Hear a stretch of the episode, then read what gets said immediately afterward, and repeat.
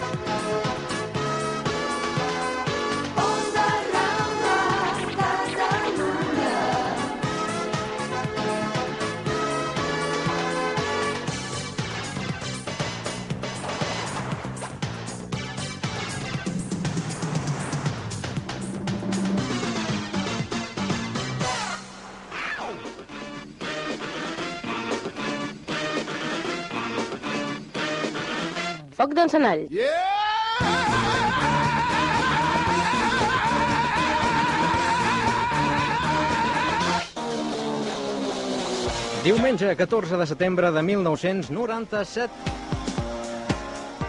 Bona tarda i benvinguts al Foc d'Encenalls. Un museu actual del bon humor amb les vitrines plenes de pinzellades variades. Sens dubte, aquest mes de setembre s'ha iniciat amb molta força si tenim en compte l'opulència d'informacions que s'estan succeint. I com vostès saben, nosaltres en triem una que al nostre parer és la més destacada. El fet se centrar a la capital del reino, altrament coneguda com Madrid. L'escenari ple d'artistes, la graderia plena de gent. El motiu? La presumpta recaptació de fons per la Fundació Miguel Ángel Blanco. I dic presumpte perquè el cas de les ventes eh, doncs, eh, vam veure que era un cas més aviat eh, una corrida que no una altra cosa. Més que res perquè eh, en Raimon i José Sacristán eren els braus. Potser és aleshores quan molts ens vam adonar que hi ha gent que no són d'Eixemont, sinó d'altres règims. desde la indignación, desde esta especie de dolor íntimo, ¿no? De, la, de, de- de ir como viendo cómo se van perdiendo oportunidades de, de- de unificar eh, fuerzas y criterios y voluntades a propósito. Després de més d'un mes sense fer exercici, ja és hora que comencem a moure'ns per la informació esportiva. I no ho farem amb l'Eva Nassarre, sinó amb en Jaume Segalés. Un cop passada la temporada d'estiu, molts comencen a fer balanç del que han estat aquests mesos. D'altres, eh, i aquests aspectes, en parlarem amb Andreu Valldeperes. I aquesta estació que estem a punt de deixar enrere serveix per escoltar unes determinades cançons que sovint queden fora de context en qualsevol altra època. El doctor Julius Esmar ens en farà 5 cèntims. El periodista argentí Néstor Arrandes ha passat la setmana a cavall entre París i Londres. Sabrem quines són les últimes notícies sobre la princesa Diana i d'altres fets significatius dels personatges famosos.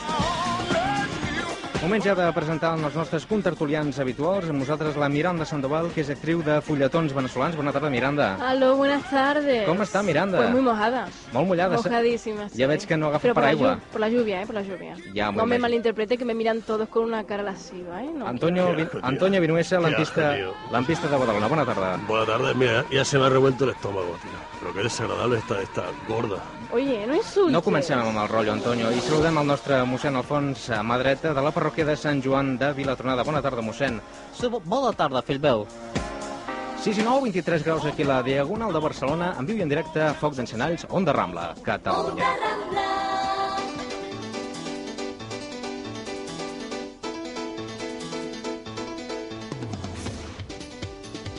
I ho fem amb aquesta sintonia, la sintonia d'esports, en la qual el Jaume Segalés, el nostre col·laborador habitual ja en aquest espai esportiu del Foc d'Encenalls, ens parlarà de tota aquesta sèrie d'informacions que han ressorgit en els diferents eh, mitjans de comunicació. Bona tarda, Jaume. Molt bona tarda. Com estem?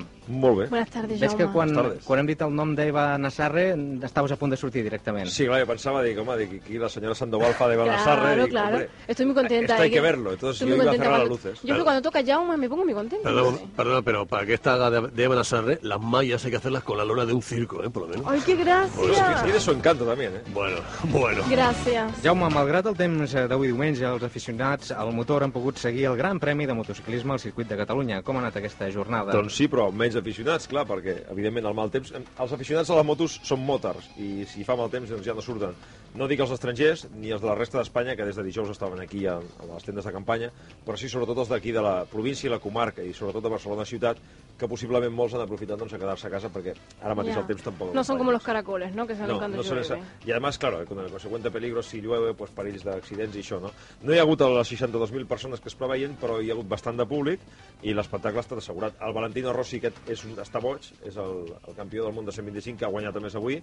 És uno que tenía el pelo largo como usted Sí. y entonces se lo cortó al 2 hace una semana cuando se proclamó campeón del mundo y se ha rapado. De color azul se lo ha teñido y se ha rapado un número uno detrás. Dios sí, jo, jo he vist... Eh, perdona, Fi- bona tarda, Filbeu. Bona tarda, Vol, mossèn. jo, jo volia dir-te, es veu que aquest home que s'ha tenyit el cabell de color blau, doncs es veu que ho ha fet perquè va veure una pel·lícula fa pocs dies, segons ha pogut sentir, i l'home li, ha, li ha agradat això.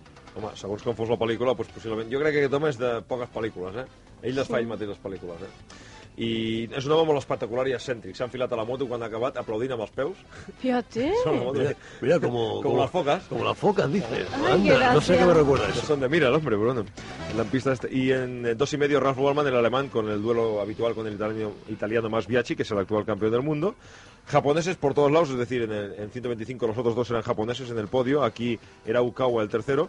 Y en eh, 500 centímetros cúbicos, al final Dujan ha podido, después de toda la vida, que nunca había ganado aquí en Cataluña, Dujan ha ganado, Checa segundo y Cribillet tercero en una carrera para mí memorable, increíble, de sobre todo de Checa, cómo se ha aguantado y cómo ha ido detrás de un hombre que estaba pegando el tirón. O sea, Dujan iba rapidísimo, ha marcado el récord del circuito y con lo cual es meritorio para los dos. Eh, pero Cribillet, una caña, ¿no? Porque está lesionado Sí. el tío y. Yo he visto- he visto máquina. en la El tío ha salido primero Eh, con mucha caña y sí. luego ah, se ha dejado un poco apretar porque también la mano le dolía. Piensa que hay dos curvas en las que él no reduce porque dice que tiene la mano tan hecha polvo que le duele mucho cada vez que Sí. cambia, ¿no? cada vez que toca el embrague. Entonces hay dos curvas que ya prefiere no reducir, con lo cual ahí pierde posibilidades respecto al resto. ¿no? Aquest Que és un tema, el del moto. motociclisme, que l'Antonio Vinuesa, aquest lampista particular que tenim en aquest programa, en el Foc d'Encenalls, li agrada especialment perquè ell encara continua anant amb una Vespina, una Mobilet... Con La Derby Paleta, ¿no? Con una Vespino que este año cumplía 25 años. Uy, y qué que mota. Tiene que durar otros tantos. Pero es un motor auténtico, ¿eh? El motor de Ángel Nieto cuando ganaba en Sí, no, 50 pero está trucada y parece una Harley Davidson de lejos. Ay, qué Vamos, no, de ridículo. lejos, ¿eh? Está ridículo, ¿eh? Escolta'm, Jaume, després d'uns dies de tensió a causa de les declaracions del president Paco Roig, el València no va poder front, fer front en el Barça i el mateix va succeir ahir amb el Deportiu de en, la Corunya. I en declaracions també de l'Endoiro, doncs, amb un sentit més o menys semblant, dient que, bueno, que aquí els catalans ens havien robat a Rivaldo i que anàvem a demanar més calés. No ha pogut l'Endoiro demanar més calés, perquè evidentment la FIFA no n'hi donarà, i menys amb la prepotència que anava. És dir, vull demanar més calés, la FIFA m'haurà de donar més diners i, a més, segueixo tot seguit insultant a la FIFA i a la Federació Espanyola. Sí, Clar, Si te han de pagar dinero, pues al menos no los insultes, te callas, te, te quedas la pasta y luego, pues, no sé. El procedimiento creo que es al revés, ¿no? Contigo, Jaume, siempre acabamos hablando de dinero. Sí, bueno, es que aquí esto, esto del fútbol, Qué nena, esto es todo dinero, mm, futbolistas y algunas mujeres, de vez en cuando, Ah, pero pocas. Em volia dir, Antonio? No, yo, es que, o sea, de este tema o de otro. D'un altre. Ah, bueno, pues eh, yo quería hablar de la Federación Brasilera, Brasilera. ¿sabes? Que tienen, tienen caña esta gente. Que, bueno, parece que ahora van a colaborar más con, con el Barça, ¿no? Porque dice que ha ido bien el tema este del, del traslado de los jugadores para aquí y para allá. O sea que si nosotros ponemos la pasta y el avioncito, qué problema, ¿no? Claro. Si tú lo pagas todo, no hay problema. Parecen eh, tontos, dice en aparte de cornudo pagar el gasto, pues lo mismo. El Barça ha hecho esto todo el año pasado, ya concedió a Ronaldo que se fuera, tuvo que conceder que se fuera todas las veces que quisiera Zagalo. Ahora Ronaldo ya como no tiene que irse más veces por obligación, ya no va, ya se Sí. queda en Italia. Y claro, como eso ya sonaba a atraco con mano, o sea, con mano armada y además ya, bueno, eh, casi deteniendo al pobre Barça, ¿no? Eso era increíble de ridículo, pues ya al final ha tenido que ceder, ¿no? Y más que nada, pues en este partido no fue una tour de force, sino que simplemente el Barça se informó a ver si podían concederles un día más.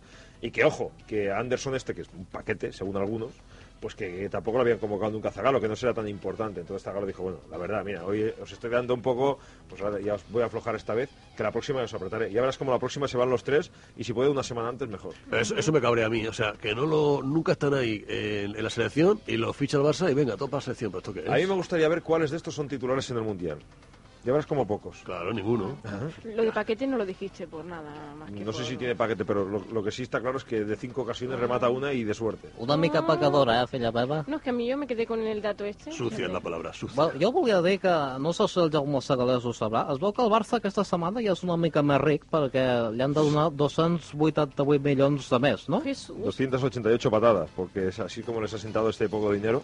El Barça pensava que podia treure i, efectivament, segons una interpretació que hi havia dels, dels estatuts internacionals, podien cobrar per cànon de formació i de promoció de, de Ronaldo un any a Can Barça més de 2.000 milions de pessetes. I això es calcula bàsicament comptant la fitxa del jugador, que eren 500 milions bruts, el que ha costat ell, que són 2.500 milions, que déu nhi l'operació de venda, que són 4.000, que era la més cara de la història en aquell moment, és a dir, que tot era uns factors que feien que fos caríssim tot, i a més a més el fet de que Ronaldo, quan estava al PSV Eindhoven, era suplent i no comptava arreu del món, i quan va venir a Can Barça des del primer dia era el millor jugador del món. Sí, sí. Aquests baremos, ficats en una urna, volia dir que el Barça podia cobrar de 2 o 3.000 milions, la FIFA se n'ha rigut i ha dit que són cifra. 280 quilos. Sí. És a dir, eh, vostès, eh, senyors col·laboradors i senyoreta, eh, jo ho dic eh, així a les zones per està. veure si hi ha algun Bueno. Ojo si vais a la COPE, que este os pide pasta. Si hi ha alguna sí. Altra viendo. Ya estoy temblando. Si hi ha alguna altra emissora que els vulgui fitxar, Sí. jo no demano aquest cànon de formació, ja els deixo Bueno, anar. tú, no, Ya, tú no te ya. preocupes que a ti- a- por ti nadie va a pagar de formación porque No, tú, no. más que formado, estás un poco deformado. Sí, Eso es estás un poco verdad. deformado. Sembla que també a la capital del Reino dues notícies han estat a font de comentaris entre els aficionats. Polèmica per un suposat contracte signat entre el Real Madrid i el jugador del Sampdoria Karen B, un cas que cueja ja, i que Lorenzo, Lorenzo Sanz no tindrà rivals a la presidència de l'equip blanc. Bueno, aquí hi ha dues coses. La primera, si et sembla, el tema veu i breument ja fa, fa pudor. Vull dir, fa pudor el tema aquest. No sé qui té raó dels dos, però o el jugador que el deixin jugar a futbol, o si no, que, que el facin plegar o que el pengin. Perquè, Uy, no. Hombre, claro, es que no puede ser... que- Esta, esta semana ya por segunda vez le apartan del equipo. Ya no puede entrenar ni jugar. Esto es nefasto para el jugador, Sí. porque el presidente ha cobrado del Barça y el jugador, según parece, ha cobrado una pila de pasta del Madrid. Y mientras el representante se ha llevado 50 kilos. Bueno, esto no es serio. Tu no saps, fill meu, que un, que un poco de pasta basta? Pues entonces, si un poco de pasta basta, que la FIFA decida. Quien se haya llevado más pasta, que se lleve el jugador. O que hagan como con Figo, sancionado y durante dos años no puede ir a ninguno de los dos equipos. Ya, ya, que es lo que ya. pasa con Figo y fuera. Per l'altra part, el tema de Lorenzo Sanz, sembla cantat que era molt difícil que pogués ningú fer-li ombra. A veure, al Madrid l'únic que pugui fer ombra un president és intentar venir aquí a arreglar el tema econòmic i sembla gairebé impossible perquè hi ha 19.000 milions de dèficit. Otra vez el dinero. Claro, no puede nadie superar a medio año de gestión de Lorenzo Sanz ganando una liga. Entonces es muy difícil que nadie le pueda quitar la presidencia. Además, según parece, tenía problemas económicos en la máxima oposición, con lo cual, pues claro, imposible. Ya. Bueno, si Bernabéu levantara la cabeza. Yo me querido, y esto de, de Maradona, que dicen que va a poder continuar jugando, a- a- a- o sea, encima le ha salido la, la prueba del doping positiva y dicen que va a seguir jugando. Sí, ¿le porque eh, ¿Por el qué? presidente de Boca Juniors, que metió una plancha terrible saliendo gritando que había consumido coca y luego se tuvo que tragar todo eso porque en, en Argentina está prohibido decir qué Sí. sustancia ha tomado. Però coca de pinyons o...? No, no, No, era una padre. coca diferente. D'aquella com les ratlles de les autopistes, blanca, semblant a la farina. Sí, sí, sí. Sí, bueno, com aquella del cocodrilo d'Andí, d'aquell que fa les aspiracions de que està es que dicen que Maradona va a jugar en el Coca Juniors. Coca Ay, qué gracia. Pues en el Coca Juniors eh, al final se han retractado y dicen que quizás la orina no sea de él, cosa un poco rara, pero tú, la- tú has visto orinar al hombre dos veces, vas a decir tú que han cambiado la orina. Bueno, no hagas caso, ¿eh? No hagas caso que a veces vas a un urinario de estos públicos y, y, a- se te pone un tío al lado que te mira y te pones como nervioso y cuando cae abajo se mezcla todo. Bueno, pero es que aquí no, porque aquí es un No tubo, sigui porc, está el hombre, está el hombre, el tubo y la azafata. ¿A la Ah, zafata? azafata. Hombre. Y el, y el médico. Oye, aquí en la radio no hacen doping. Lástima porque una zafata aquí... Tampoco me- hay azafatas aquí. Ya, bueno. ¿Qué, qué tema tan desagradable. Salió, lo he visto yo él. haciendo de modelo también con sus niñas. ¿Quién, Maradona? Sí, modelo para, sobre- ver- bueno, para limpiar su imagen, supongo. Seguro. No sé. Limpiar otra cosa, porque lo que es la imagen... I parlarem eh, d'un altre fet que em sembla que avui ha estat una mica doncs, eh, alterat perquè la Vuelta Ciclista a Espanya eh, avui ha caigut, es veu, una tempesta molt forta cap a Còrdoba, m'han dit, i sembla que també les esperances posades en els esportistes espanyols comencen a diluir-se. Bueno, aquí es dilueix tot. El que és el ciclisme espanyol, des de que va marxar Holanda, que, eh, Indurain, que precisament sí, ha estat eh. aquí al circuito de Montboló, no veas tú lo bien que está feliz con su niño, subiéndole a las motos, eso es lo que quería. E- Echando tripa, ¿no? Claro, si el tío ha ganado Que es lo 600 suyo. millones de pesetas por año, pues ¿para qué quiere más matarse ahí? Claro. Llavors, què? Crítiques tot l'últim any? Li van col·laborant allà a l'equip, en plan allà per sota? No, no, no havia de patir. Ha fet bé i ha demostrat que és el millor ciclista i com a persona molt millor que molts altres. D'altres han acceptat els calés sense saber fins on podien arribar i això és el que ha passat. I escolta, que no, no té un hereu a l'Indurain. No, ara mateix hereu espanyol no té, hi ha hereus estrangers, el que passa que, clar, a Indurain conjugava unes coses. No era un gran muntanyista com Pantani, per exemple, o Virenque, però pujava bé la muntanya, tranquil·lament, Ja. sentado. O sea, no atacaba, pero defendía bien.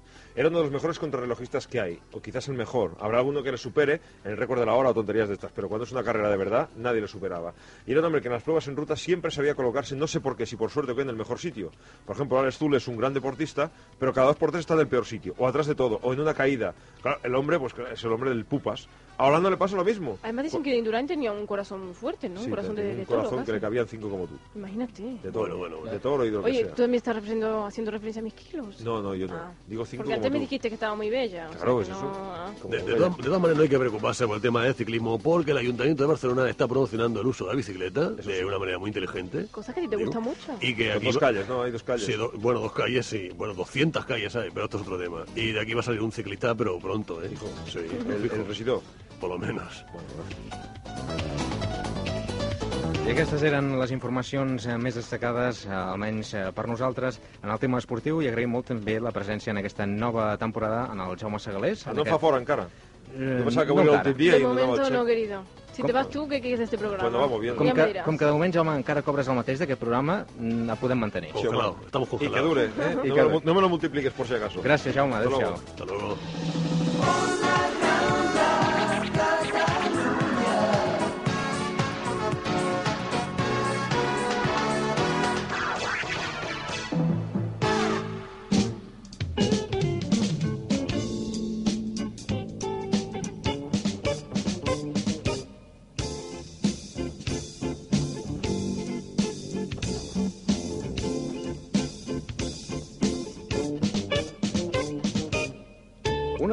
Cultures que més es valora d'un país és la culinària, i és que des dels principis de la humanitat la cuina ha evolucionat força. La mera funció nutritiva ha passat a ser un veritable, una veritable cerimònia. Per molts resulta un càstig, però per d'altres en gaudeixen. I un dels que n'han fet un art són els restauradors.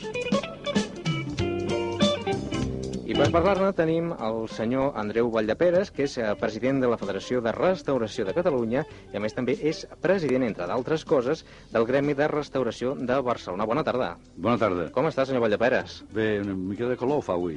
Fa força calor. Sí, sí. Escolti'm, enguany eh, diuen que ha estat una de les eh, millors temporades turístiques dels darrers anys. Des del Gremi de Restauradors, com es valora aquest fet? Bueno, és indiscutible de que Barcelona, Catalunya i tot Espanya en general té una afluència massiva de turistes.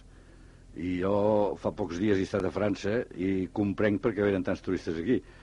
Perquè a França, per exemple, una aigua mineral val 600 i pico de pessetes, petiteta, una Evian, un Vichy o així, i aquí a Espanya, doncs, per 200 pessetes tots els turistes veuen, o sigui, la tercera part, menys de la tercera part. Això fa de que, esclar, ho trobin barat. Jo no sé si durarà gaire, si entrem al mercat comú, millor, jo suposo que els altres no baixaran, pujarem nosaltres, però, però de moment ens hem de gaudir d'aquests preus tan impressionants que hi ha i del sol i les platges que tenim. L'Antonio Vinuesa, que és el nostre lampista particular, l'estava mirant ara quan estava dient això, vostè, senyor Valldeperes, de l'aigua 600 pessetes. Imagini's, Antonio, el que deu valer els whiskies i les cerveses, ja. Bueno, ya no quiero ni pensarlo. Es que por eso no se puede ir de viaje. Escolti'm, senyor Valldeperes, seguint amb, amb una mica amb la pregunta, els estudis apunten que Barcelona s'està convertint en un dels punts turístics per excel·lència. Vostès ho han notat, això? Bueno, Barcelona turísticament i, és molt bonica i està molt bé, però en plan de, de menjar i de restauració eh, ens estem passant.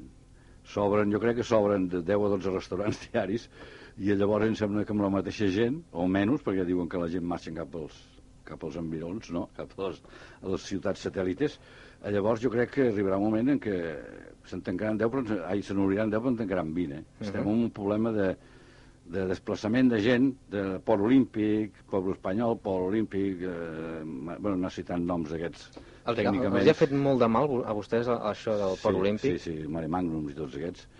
I, uh, vamos, a la part nord de Barcelona i la part Gràcia, les parts districtes, és molt mal, els hi fa molt mal. Escolti'm, i seguint ja amb els turistes, perquè sembla que és un tema que ens agradi, oi, Antonio, també? Mm, Sobre todo las turistas nos gustan Ja, bastante. ja, ja m'ho semblava. Doncs escolti'm, eh, quins són els turistes que més ens visiten en aquí a Barcelona? Bueno, aquí eh, hi ha bastant país, eh? Bastant país. I parlant ja, com si de Catalunya, eh, a altres llocs també hi ha molt de, de, de regions espanyoles. Per exemple, Tarragona mateix, entre Saragossa i La Rioja, és una cosa... O sigui, l'Aragó i La Rioja és, és impressionant els que venen cap a la part de, de la Catalunya surt. A Barcelona, concretament, hi ha molt turista, però també hi ha molta gent del país.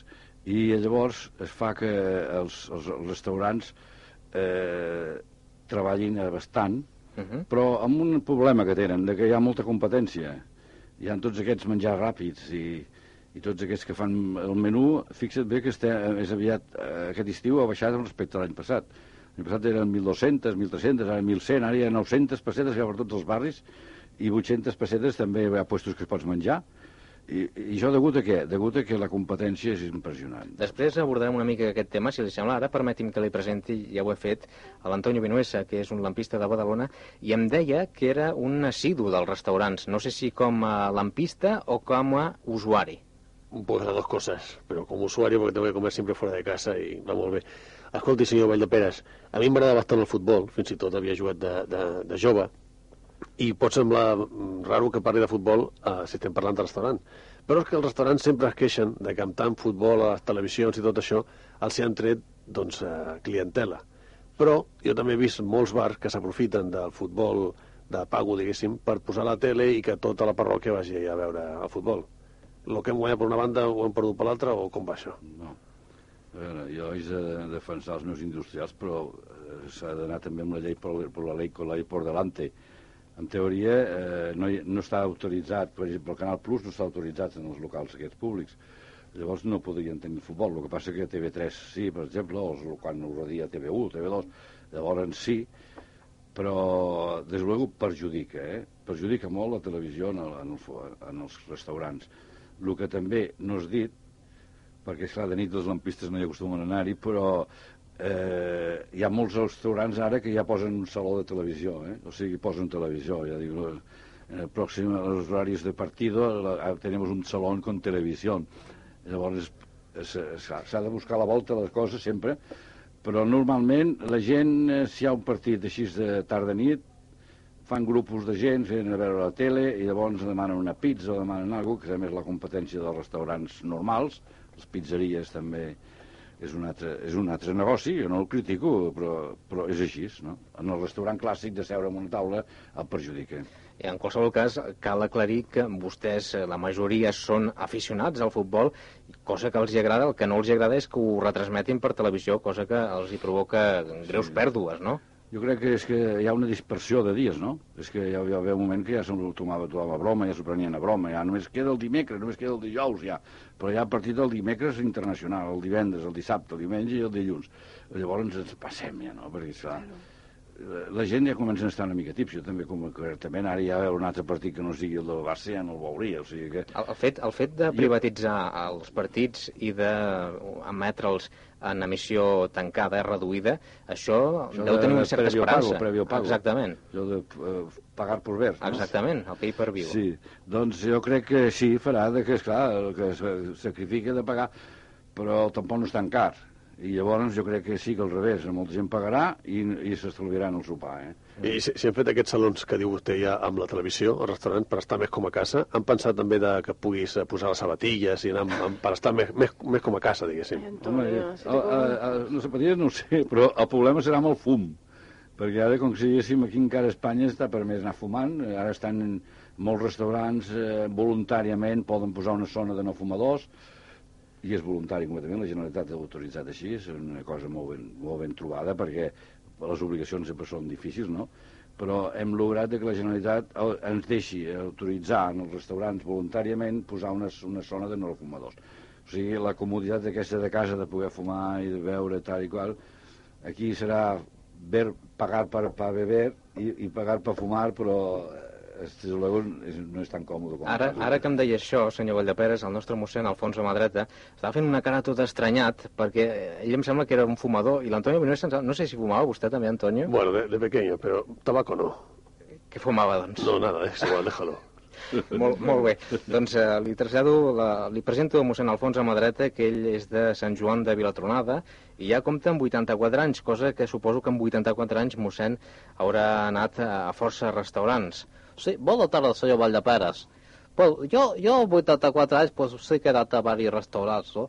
I llavors jo li volia preguntar, eh, vo- vostè que sabrà que aviat pues, hi haurà un casament de l'any, que és el de la infanta Cristina i l'Inyac i, i Cani Urdangarín, em sembla que I, Iñaki, padre, es que no s'entén. i Iñaki Urdangaran, i un dels grans negocis que tenen els restauradors pues, són els casaments. Això és veritat o no? Bueno, eh, des de luego, jo crec que ha, els casaments és, un marge que tenen els, els grans empreses aquestes que tenen locals adequats. Eh, no, no tot és tan bonic com sembla, surt car, no? Perquè si, si anem 10 i, i mengem per 3.000, quan són 100 hem de menjar per 10.000. Escolta, a vegades però- mengen el mateix, però sí. encareix molt el, el personal, perquè s'ha de llogar personal especialitzat, has de llogar mantels, has de llogar els serveis a taula, totes aquestes coses que normalment no es tenen perquè, esclar, un, per 300 o 400 has de tenir un, un magatzem que també valdria molts diners.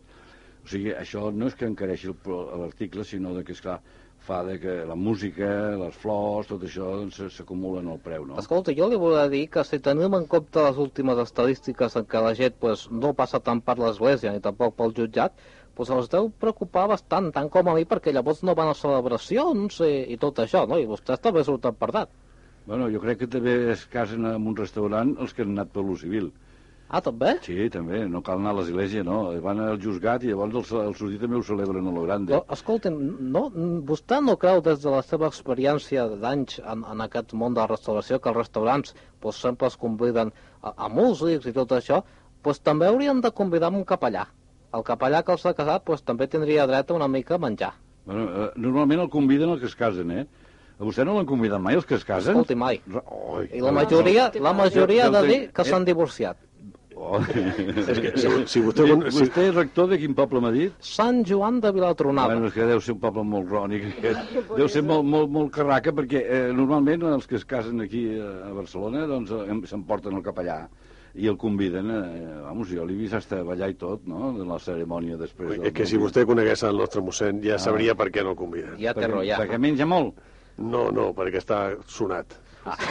Si los curas van a, a- a- a misa diaria, ¿no? Imagínense, ¿no? Si cada día se un- celebran una boda. No, Cada bueno, día- bodas di- boda diària, boda no, eh? Eh, Esto los fines de Sería semana. un chollazo. Los fines de semana y esto. I aquesta que parlava és la Miranda Sandoval, que és tardes. la nostra actriu de Culebrons. Miranda, Señor Valdepera, buenas tardes. Hola. Usted sabe que sobre gustos no hay nada escrito. Es verdad.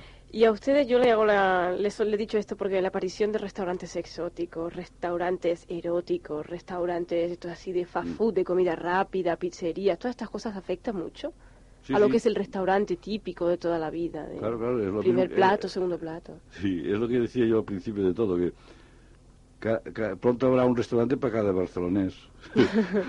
Sí, ¿no? Porque entre los exóticos y los que no son exóticos, y los chinos y los japoneses y los, y bueno, de donde sea, Sí. está la cosa muy achuchada. Pero toda esta gente tiene una licencia libre para abrir su Bueno, restaurante. en, en teoría no tendría que ser así, porque tendría que tendría que concederse eh, para restaurantes sobre todo, tendría que hay un permiso, tiene que pedir un permiso de, de los vecinos, Ujú. tiene que presentar unos planos y tiene que reunir unas condiciones que muchas veces pues no sé qué pasa, pero van abriendo. Yo no he entendido nunca porque nosotros vamos a- al ayuntamiento, vamos a la Generalitat, comprobamos que tal y que cual y que no y que si las distancias porque las distancias no está es libre porque claro, Ujú. nosotros pedimos distancias como las farmacias como muchos negocios tienen Claro. distancias pero nos dicen que no que el comercio es libre y que cada uno se espabile por su lado el que està clar, senyor Valldeperes, és que estan proliferant com a bolets. sí sí sí, sí. No, ¿Cada no, vez hay es que más? cada vez hay más cada vez hay más y esto que ya digo yo porque cuando se abre un restaurante, cuando Mm. se abre, por ejemplo, una zapatería, cierran Sí. y después ponen una mercería o ponen una perfumería Sí. o así. En cuanto se abre un restaurante, como la instalación es tan cara, Sí. neveras y congeladores, máquina de cubitos, máquina de lavar, máquina de tal, instalación, sillas, mes- pues cierran, porque no es negocio, pero ponen otro. Claro, es lo mismo. Y entonces el- eh, este ya no se mueve este. Ahora, o ponen otro. Ahora tenemos la suerte de que antes decíamos todos los restauradores, decíamos, claro, todo el mundo que lo, lo- lo despiden de una empresa, eh, pone un- con el dinero pone un negocio de esto. Sí, claro. Ahora ya no es tanto, porque ya no despiden a tanta gente primero. y después que ya no es tan negocio. Porque antiguamente el, el negocio, el, el, o sea, el empleo más bien pagado de todos era el de, el de hostelería. Ahora ya no, ahora ya, entre que muchos de hostelería tienen que trabajar sábados y domingos y que tienen un horario a veces eh, intensivo y, y largo. Ahora ya hay muchas obras, como por ejemplo la construcción mismo, que están mejor pagados, quizá con más riesgo, pero mejor pagados y tienen sábados, domingos y fiestas entre Semana Santa y mañana 11 de, Claro, y- mañana 11 de Y septiembre. ustedes no descansan nunca, No, claro. el 11 de septiembre todos los bares y restaurantes tendrán que estar abiertos porque tienen que dar de comer y de beber Claro. al, Sí, al sí, que tiene sí, hambre sí. y al que tiene sed. Senyor Valldeperes, reprenent una mica la pregunta que feia la Miranda Saldoval al voltant d'aquests restaurants eròtics, m'ha dit Miranda. Eróticos también, sí, También sí. hay, és, sí, el, sí. és el que va vostè, diguéssim. Bueno, he ido, me han invitado. Ya, ya, Sí, ya, sí, ya me- me fa la cara Me hoy. convidaron una vez. Y se bueno. fue todo el mundo, ¿no? Quedó vacío. No, Ah, no, que va, que se llenó, aquello se puso bueno. Però des de luego ens trobem amb bastanta gent que es pensa que restaurem mobles. O cuadros, ¿no? O, qual... o sigui que restaurador, jo crec que deu ser perquè restaura també la cosa de que, de que tens, et trobes malament perquè tens gana i restaurem. Ah, això sí, mat, cuerpo, mat, mata no? el gusanillo. Mata el gusanillo. Però eh, hi, ha, hi ha aquesta mica de confusionisme Sí, no? que abans no era restauradors, sinó que era restauració, Sí. I ara és restauradors perquè jo crec que deu venir del francès restaurateur. Uh -huh. Ah. Doncs, eh, senyor Andreu Vallaperes, eh, president de la Federació de Restauració de Catalunya i del Gremi de Restauració de Barcelona, moltes gràcies per haver vingut en aquest programa, en el Foc d'Encenalls, i haver-nos parlat una miqueta més d'aquest món que és el del menjars, dels bars i restaurants del nostre Principat. Gràcies i bona tarda. Bona tarda. Chao.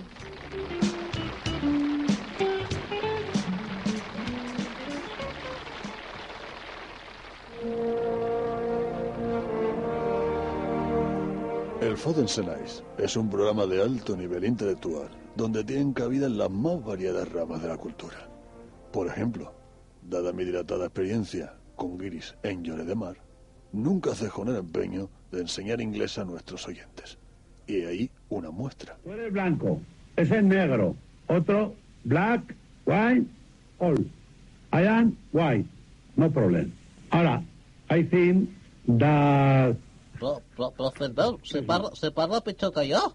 Bueno, es que, es que este mucho domingo no se escucha porque está en el fútbol. Bueno, Ferveu, ara t'ensenyaré jo llatí.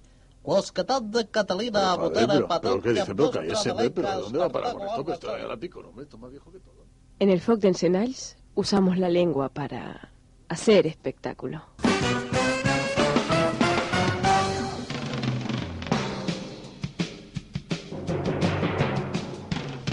D'aquí dos minuts seran tres quarts en punt de set de la tarda, 22 graus aquí la Diagonal de Barcelona i saludem en el nostre col·laborador de Pensilvània. Ell és catedràtic, no sé si és emèrit o no, el doctor Julius Esmar. Bona tarda, doctor. Bona tarda, gairebé s'equivoca, eh? Gairebé. Pensilvània, ha dit? Pensilvània. Vània. Catedràtic en investigació analítica, dèiem, el saludo de nou, perquè ahir també vaig tenir l'oportunitat de parlar amb vostè. Sí, malauradament, vull dir, afortunadament. Ja, era ja, una brometa, ja, era una ja, brometa. Ja. Bueno, com estic? Sí, com està? Jo estupend, i vostè? Brutalment bé, ja ho molt sap. bé, molt bé. Escolti'm, aquest estiu també ha servit per eh, que vostè reflexionés, eh, escoltés i eh, analitzés algunes cançons que són de molta actualitat. Per exemple, la d'avui mateix. Exacte. Eh, avui és una cosa una mica especial, perquè hem tingut aquí, hem fet diversos cicles, podria dir així, hem parlat de la cançó de l'estiu, quan fem el verano, Mm. i hem parlat de, i sempre eren cançons del verano dels anys 60-70, que és quan això estava en efervescència, no? Però no Com, que... com les aspiri. Que és graciós vostè, eh? Sí, oi? Bé. Doncs el que no hem fet mai és parlar de canció del verano de les d'ara, no? Com aquella de la Maria del, del Ricky Martin l'any passat i aquestes bestieses, no? Perquè tampoc volíem causar traumes a la joventut i aquesta cosa, no? I eh, també hem fet doncs, cançons populars que la gent de tant cantar-les no ha parat, eh, no s'ha parat a analitzar el, eh, la lletra en si, no? Mhm. Doncs avui tenim una barreja perquè alguna gent desaprensiva, m'atreviria a dir jo, han agafat una cançó popular... Alguna gent com? Desaprensiva. Ah, veig que s'ha tornat a atrevir per dir-ho. Desaprensiva? Sí. Sí, per què no? No, no, segueixi, segueixi. Vol que ho torni a dir? No, no cal. Val, val. Doncs eh, deia que aquest tipus de gent s'han atrevit a agafar una cançó popular del, de- de- de- d'aquestes tonadilleres, tonadilleres espanyoles, i l'han fet a Canción del Verano, no? És un refregit. Un refregit que a sobre el canten fatal i és fastigós. Puc dir fastigós? No.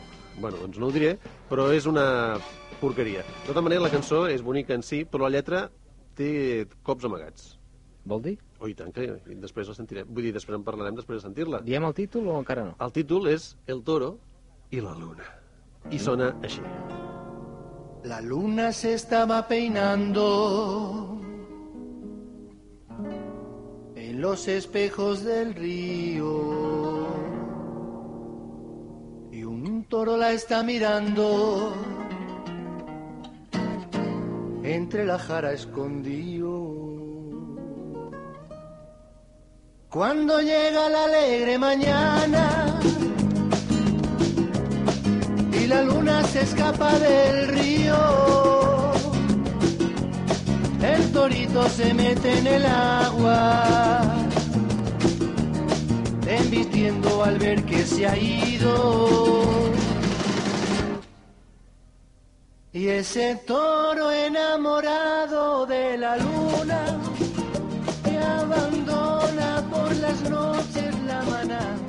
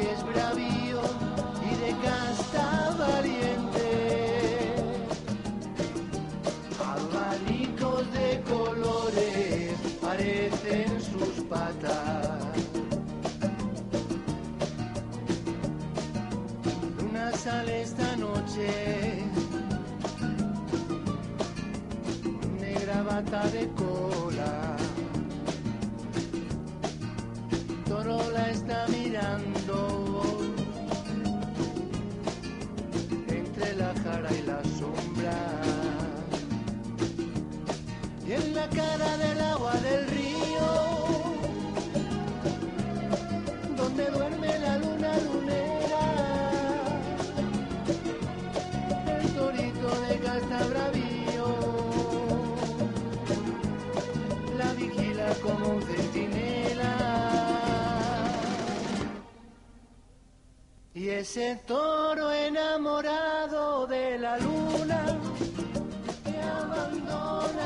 las noches la maná.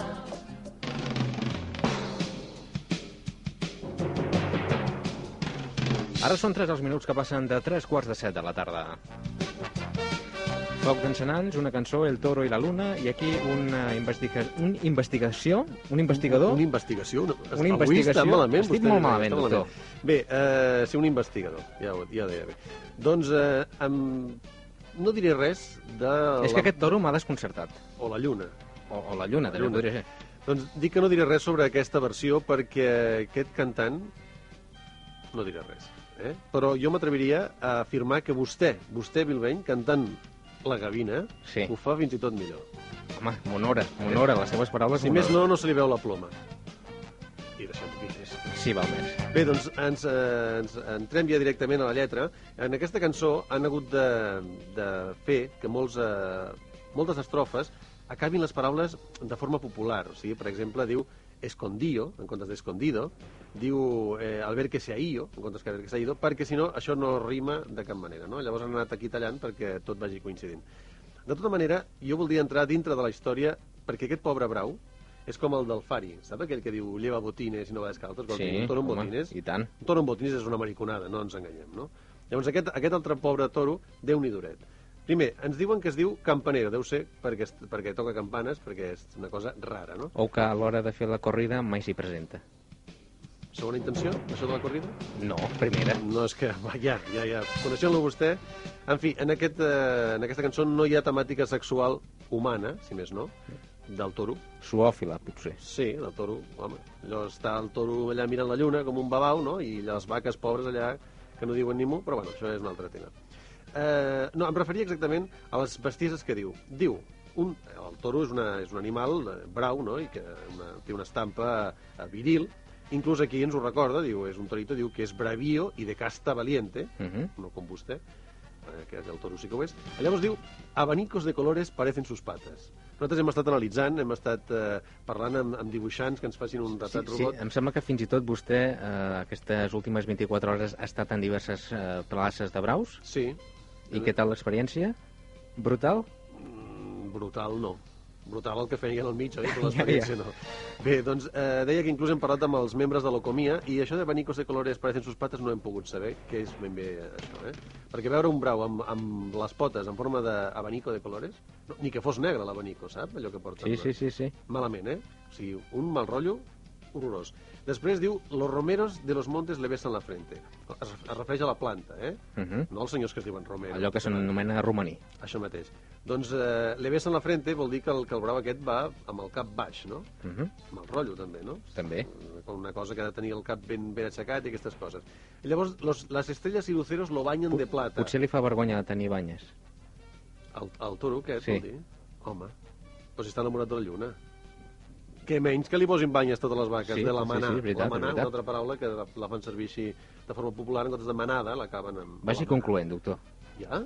Però si encara no hem començat. Vostè vagi concloent.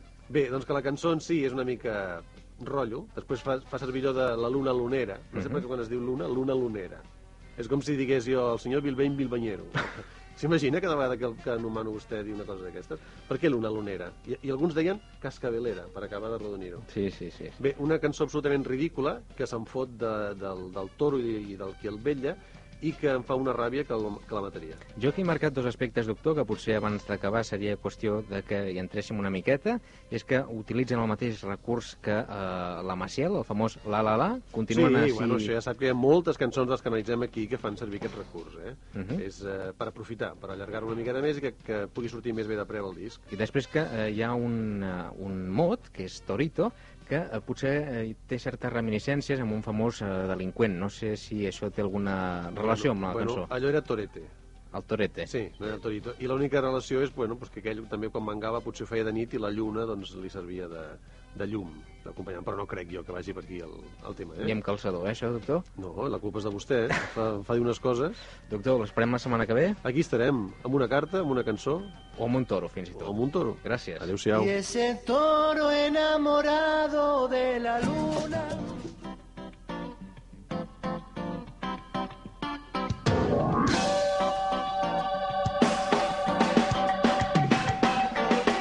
No et cremis. Escolta, foc d'encenalls.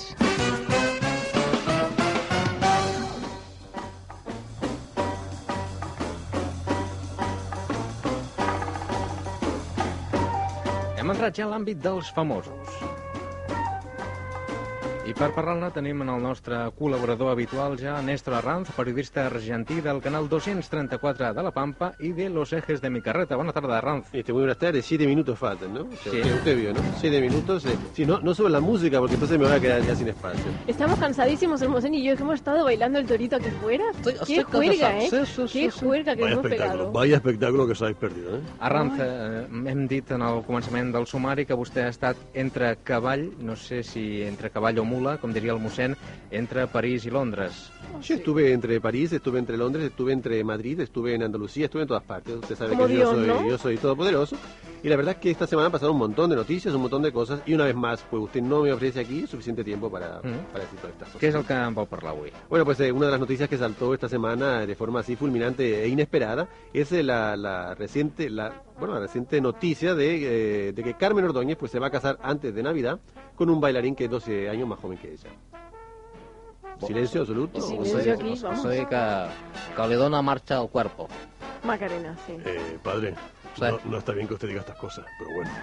Bueno, pues con que no se nego... Yo es que de esta chica ya no me creo nada, ¿eh? Se ha casado tantas veces, ha tenido tantos novios, que esto puede ser también otra manera de sacar dinero El que no gente. continua perdent, eh, i perdoni'm Arranz, és aquest accent que té una mica de pija, oi?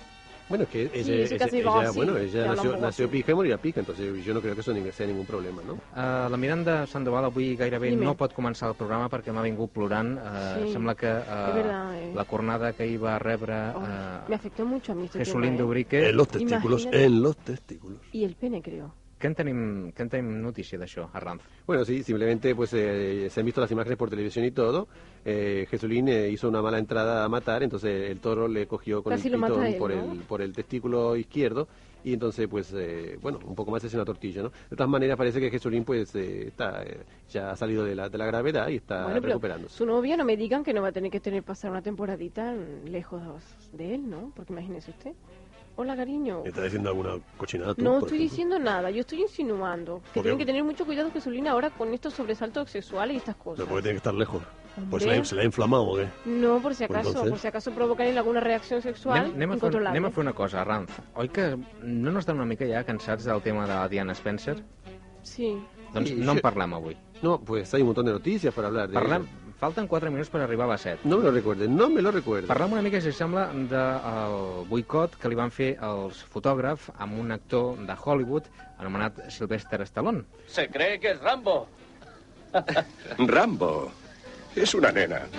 Bueno, Ramos es una nena, pero la verdad es que a Stallone le hicieron un boicot en Roma, eh, 30 fotógrafos, cuando él iba a inaugurar otro, otro de sus eh, locales del Planet Hollywood, porque le empezaron a gritar que ellos eran eh, fotógrafos, que eran profesionales y que no eran asesinos, como Stallone Es había que Stallone se decir, pasó ¿no? un poquito, ¿eh? Él vive de todos esos ah, fotógrafos que van allí a ver. Pero es que, bueno, No, Stallone, no, no Stallone, está eh, bien, no, no no se está siente bien. las piernas porque está el hombre está acojonado, ¿no? De que, de que pueda pasar eh, un accidente como pasó con Diana. Per ¿no? cert, Miranda i Julio Iglesias han tingut un fill. Saben el nom ja que li Pero yo no, ¿eh? No es yo usted. No, no soy yo. ¿Cómo vas a tener tu hijo? ¿Cómo vas a tener tu hijo? Y menos con Julio. Oye, ¿no te acuerdas de hace unos meses aquí? ¿Yo fui mamá o qué? Sí, bueno, no, no vamos a recordar Yo eso. también parí, ¿eh? Como todas las famosas. Bueno, pues eh, sí, decía que el, el, eh, niño de Julio Iglesias va a llevar un nombre así facilito, ¿no? Eh, Miguel Alejandro. Ay, nombre de culebrón, Alejandro, ¿eh? nombre de Culebrón. De Colobrón i de compositor d'algunes de les cançons que el senyor Iglesias ha cantat. Y además, como él se va, se va a llamar Miguel Alejandro Iglesias, y de segundo se va a llamar Rinsburger, que es el nombre, pues como. Una mica d'hamburguesa. Como de Chesburger, pero Rinsburger, que es el, el apellido de Miranda, que es bastante. ¿Se acuerdan ustedes que nos costó un poco averiguarlo? Porque no, no suele hacerse muy público, ¿no? I Michael Jackson és notícia? Bueno, Michael Jackson siempre puede ser noticia, ¿no? Porque, bueno, unas cosas u otras, la verdad es que, que parece que ahora, no sé si está necesitado de dinero, pero está intentando vender su mansión de, de Neverland en, en California y no, no, lo, no lo va a conseguir, ¿no? Porque es Cal, bastante... cal, caro, ¿no? falten calés. Parece que sí, la verdad es que ahora, eh, eh, pues un, eh, un periodista eh, que se llama John Connolly en Penthouse ha publicado una, un artículo donde dice que, que Jackson ha vendido algunos de los eh, de las derechos, los derechos que tenía Sí. sobre las canciones de los Beatles por el eh, que ha obtenido unos 14 mil millones de pesetas, ¿no? Más o menos lo que usted me adeuda a mí. Uh -huh. Sembla que vostè continua subscrit en aquesta revista. Claro, porque si ya sabes de Penthouse es porque lo leíste, Sí, bueno, querido. sí, pero es porque usted me las pasa. Encara no m'ha tornat, per cert. Bueno, eh, está en el lavabo. Bueno, temas personales, temas personales afuera, ¿eh? Venga. Eh, bueno, antes de, de irnos, yo quería eh, hacer eh, también eh, eh, decir la noticia de que Antonio David Flores pues dice que va a dejar la Guardia Civil y va a ser modelo, ¿no? Pues Dice no, yo creo que es verdad, ¿eh? Això, això vol dir que deja el cuerpo? Deja el cuerpo benemérito y se dedica a otro tipo de cuerpo, ¿no? ¿Y Por- y su suegra, mientras tanto, Rocío Jurado, ha llevado a su nieta a la Virgen de la Regla. No sabemos si es que quiere que la Virgen le devuelva a ella la regla para ser madre, Què- lo cual, sería un milagro. Ràpidament, digui'm què volia dir de la Diana. De- bueno, desde ya no tengo tiempo de decir tantas cosas, ¿no? Eh, bueno, ahora dicen que, que antes de morir eh, ella pidió que la dejaran tranquila, allí entre el amasijo de hierros. Eh, en fin, hay un montón de noticias que podríamos ¿Qué hacer un, especial. ¿Qué le parece a usted el domingo que viene hacer un especial de una hora sobre Diana? Ja en parlarem. Y ya cobraremos también, ¿no? En qualsevol cas, gràcies Miranda Vinga, Sandoval, la triu de Culebrons, gràcies en el nostre lampista, l'Antonio Vinuesa, gràcies Vinga, en el Néstor. Larranz, el nostre periodista argentí, Al cual no le ha dado usted tiempo. exacte, i gràcies també al nostre mossèn Alfons Amadreta de la parròquia de Sant Joan de Vilatronada. Bona tarda, mossèn. Adéu, fill meu. Jordi de la Torre, el noi de l'aeroport a les vies de so. Maite Vila i Lluís Jiménez a la producció. Alicia Garcia i Carla Soler a les veus. I aquest que els ha parlat, com sempre, i amb molt de gust, Marc Vilbeny. Ens retrobem diumenge que ve, a la mateixa hora, a la mateixa emissora i fins i tot des del mateix país. Adéu-siau i facin-nos propaganda. Gràcies.